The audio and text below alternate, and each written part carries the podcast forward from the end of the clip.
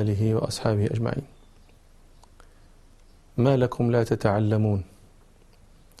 إن تكونوا صغار قوم يوشك أن تكونوا كبار قوم. وما خير الشيخ أن يكون شيخا وهو جاهل. هكذا كان يقول عروة بن الزبير رحمه الله.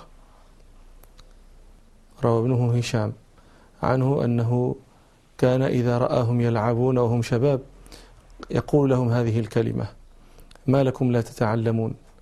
إن تكونوا صغار قوم يوشك أن تكونوا كبارا. وما خير الشيخ أن يكون شيخا وهو جاهل. ولقد رأيتني قبل موت عائشة بأربع بأربعة أعوام. أقول لو ماتت اليوم ما آسيت على شيء معها إلا وعيته. هذا عروة بن الزبير. عروة بن الزبير بن العوام بن خويلد بن أسد بن عبد العزى بن قصي بن كلاب القرشي الأسدي, الأسدي المدني التابعي الثقة الإمام آه، كان أحد فقهاء المدينة السبعة. هؤلاء الذين كانت تدور عليهم الفتوى في مدينة رسول الله صلى الله عليه وسلم. لقي أخذ عن أبيه شيئا قليلا. أبوه هو الزبير بن العوام آه، بن عمة رسول الله صلى الله عليه وسلم ومات وهو صغير. وأخذ عن أمه شيئا قليلا. أمه أسماء بنت أبي بكر الصديق أخذ عنها قليلا أيضا لكنه لازم خالته عائشة رضي الله عنها وتفقه بها.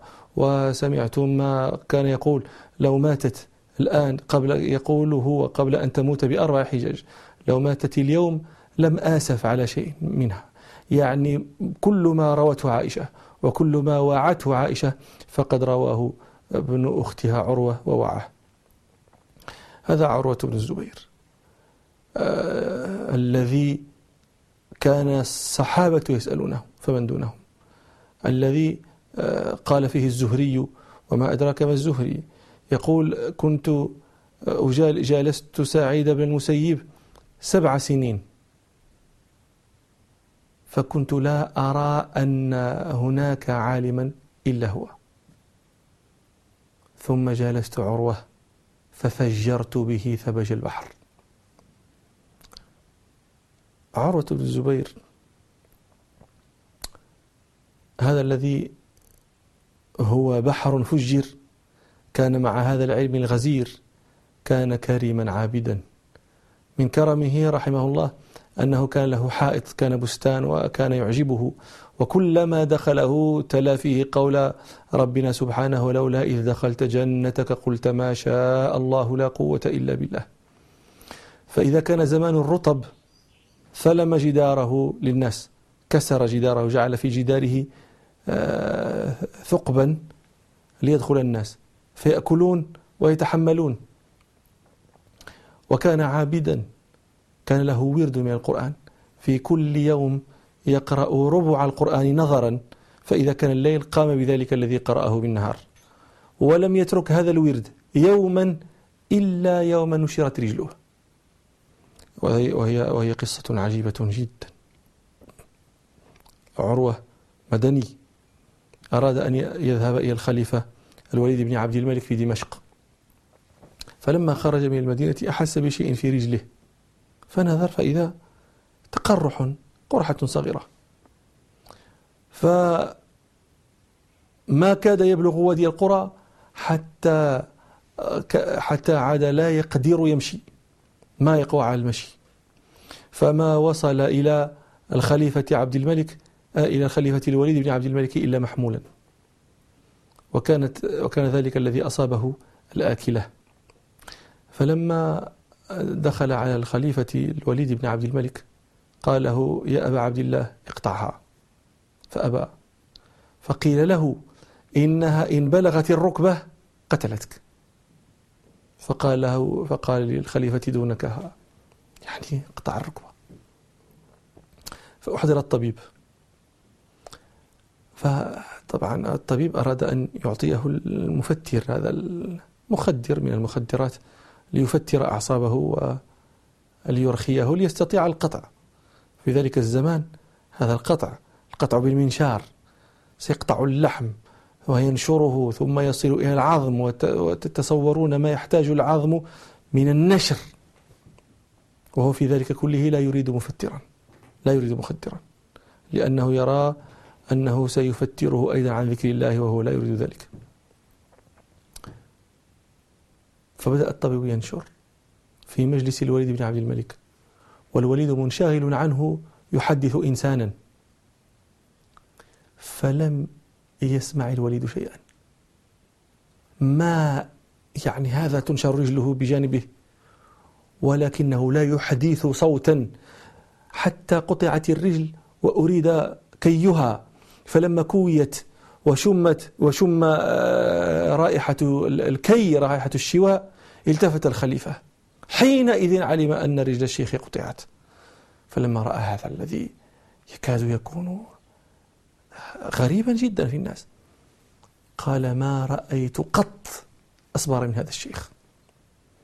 فلما قطعت الرجل وألقيت في الطست نظر عروة بن الزبير رحمه الله إلى رجله ملقاة وقال لها الله يعلم أني ما سعيت بك إلى معصية قط وأنا أعلم. فلما كان عائد من سفره بلغه نبأ قيل له إن ابنك محمدا دخل الإسطبل فضربته دابة ركلته فقتلته. أي سفر هذا؟ ما هذه الأنباء؟ رجل تقطع وولد يموت. فلما أتى المدينة دخل عليه محمد بن منكدر أحد كبار أعيان علماء المدينة. فقال له كيف كان سفرك؟ فقال له لقد لقينا في سفرنا هذا نصبا. الشكوى الوحيدة. لا يشتكي من شيء ولا يتججر ولا يتسخط قضاء ربه ولكن المصدور لابد أن ينفث فينفث بآية من كلام ربه سبحانه. لقد لقينا في سفرنا هذا نصبا. ونصب هذا أي, أي نصب أعظم منه. رجل تقطع ونبأ عن ابنه يموت أي نصب أعظم منه. لكن هؤلاء المتصبرون الراضون بما بما يكتبه ربه لهم أو عليهم يهيئ الله لهم ناسا يكون كلامهم لهم أطيب على قلوبهم من من الماء البارد. دخل عليه في من دخل ممن يعزيه ويواسيه عيسى بن طلحة. فقال عروة بن الزبير لأحد بنيه كان جالسا عنده يا بني اكشف الرجل لعمك. فلما كشفها وجدها مقطوعة قال له عيسى بن طلحة يا أبا عبد الله وهي كنية عروة بن الزبير يا أبا عبد الله والله ما أعددناك لنصارع بك ولا أعددناك لنسابق عليك. ولقد أبقى الله لنا منك ما كنا نحتاجه رأيك وعلمك. فقال له عروة والله ما عزاني أحد بمثل ما عزيتني به. ودخل عليه آخر فقال له مثل ما قال الأول قال له والله ما, ما بك أرب للمشي. وليس بك حاجة إلى السعي يعني الجري. ولقد أبقى الله لنا منك ما كنا فقراء إليه وهو علمك ورأيك. وأما ابنك وطرفك فهو بعضك سبقك إلى الجنة. والكل تبع للبعض إن شاء الله. والله ضمين حسابك وولي ثوابك. فقال عروة اللهم إنه كان لي أطراف أربعة. فأخذت واحدا وبقيت ثلاثة. وكان لي بنون أربعة فأبقى أخذت واحدا وأبقيت ثلاثة. فلئن أخذت لقد أبقيت ولئن ابتليت لطالما عافيت طالما عافيت وهذه مقامات نسأل الله أن يبلغناها. مقامات يقين مقامات النظر إلى نعمة الله في في في في في, في ابتلاءاته. النظر إلى المنح التي يمنحها الله في محنه التي يمتحن بها عباده. ويواسيه ربه بأعظم من هذا. في ذلك العام وفد على الوليد بن عبد الملك الخليفة وفد من بني عبس. فيهم رجل ضرير. فسأله عبد الملك عن عينيه كيف عميتا فقاله العبسي أخبره خبرا عجيبا جدا. قال له يا أمير المؤمنين لقد بت ليلة بواد ما أعلم أن عبسيا ماله أكثر من مالي. يعني غاية الاتساع في الدنيا غاية الاتساع في المال. لا أعلم عبسيا ماله أعظم من مالي. فطرقنا سيل. فيضان. قال فذهب بمالي وأهلي وولدي. إلا صبيا مولودا وبعيرا. هذا الذي أبقى له الله أبقى له السيل. من كل ذلك الخير الذي يقول فيه هو لا يعلم أن أحدا من قومه أعظم منه مالا. فلم يبق له إلا ذلك الولد الصبي المولود حديث عهد بولادة وذلك البعير. قال وكان البعير صعبا فند شرد. قال فوضعت الصبي. يعني هذا هذا المال الذي بقي. إن تركه يشرد ويهند. لم يبق له شيء. قال فشرد قال فوضعت الصبي. وتبعت وتبعت البعير. قال فلم أكن غير بعيد. حتى سمعت صياح الصبي فالتفت فإذا رأس الذئب في بطنه يأكله. الذئب يأكل ابنه من بطنه. مشى الولد أيضا لا ولد.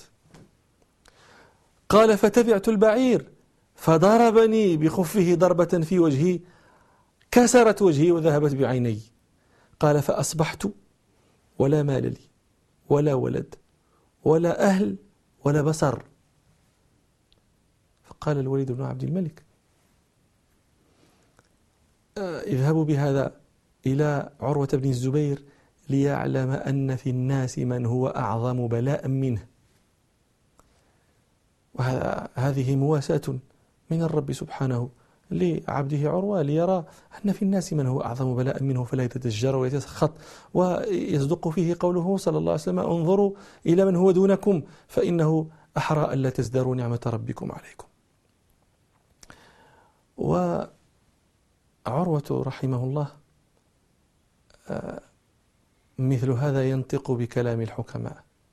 كان له كلام عجيب. من جملة كلامه رحمه الله هذا الذي كان طالعة حديثنا يقوله لأبناء لابنه ولأصحابه معه إن تكونوا صغار قوم تعلموا. ما لكم لا تعلمون. إن تكونوا صغار قوم يوشك أن تكونوا كبار قوم.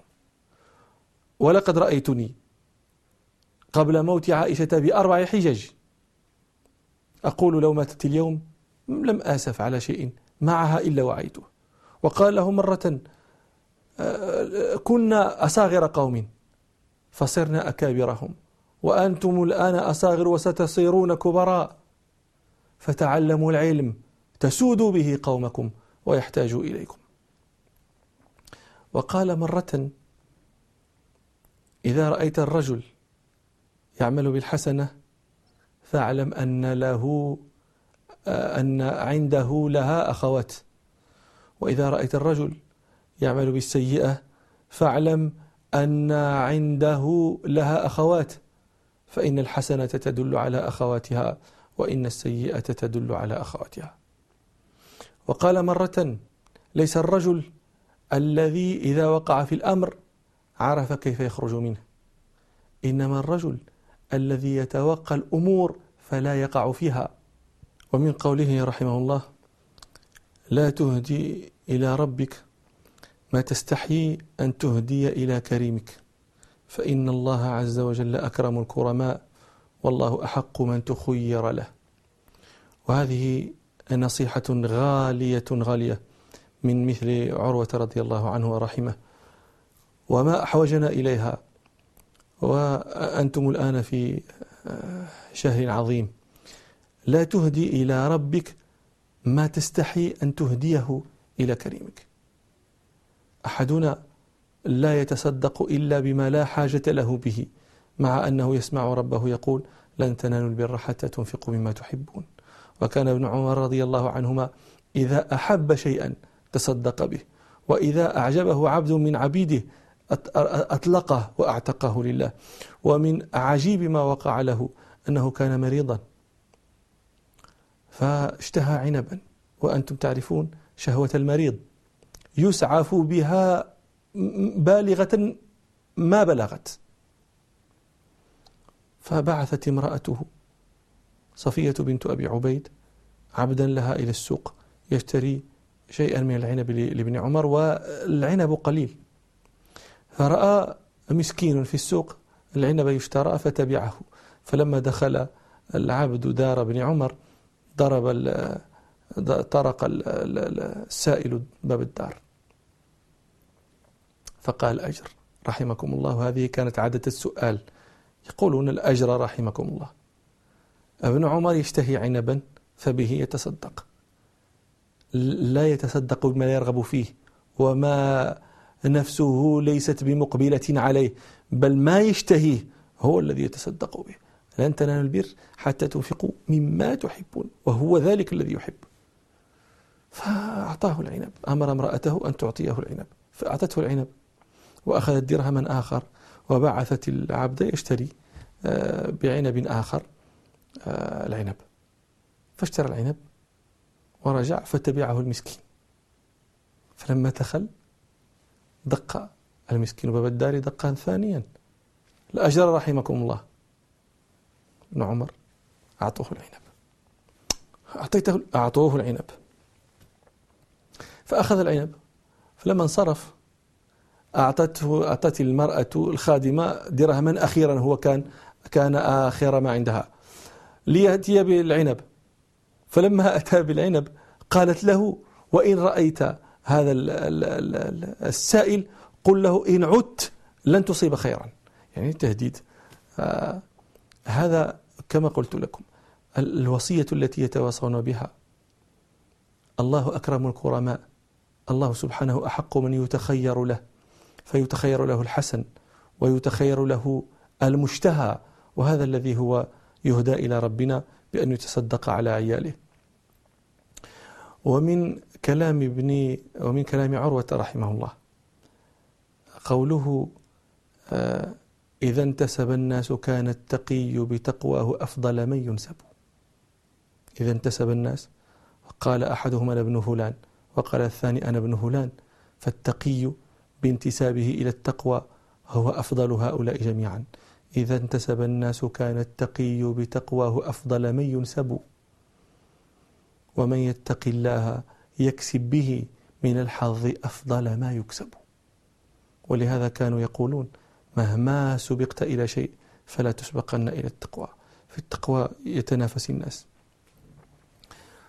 ومن ال ال الغرائب التي وقعت أنه اجتمع في ليلة آه، عبد الله بن الزبير وعبد الملك بن مروان. ومصعب بن الزبير وعروة بن الزبير وعبد الله بن عمر. اجتمعوا ليلة فقال قال كل واحد منهم ليتمنى كل إنسان أمنية. فقال عبد الله بن الزبير أما أنا فأتمنى أن أحكم الحرمين. وقال عبد الملك بن مروان وأما أنا فأتمنى أن أحكم الأرض. وقال مصعب بن الزبير وهذا كان أخا لعروة ولعبد الله وكان أميرا وكان فارسا ومات في تلك الحروب التي كانت في ذلك الزمن.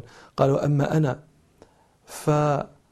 فأتمنى أن أجمع بين عقيلتي قريش سكينة آه، وسكينة بنت الحسين و وابنة طلحة بن عبيد الله.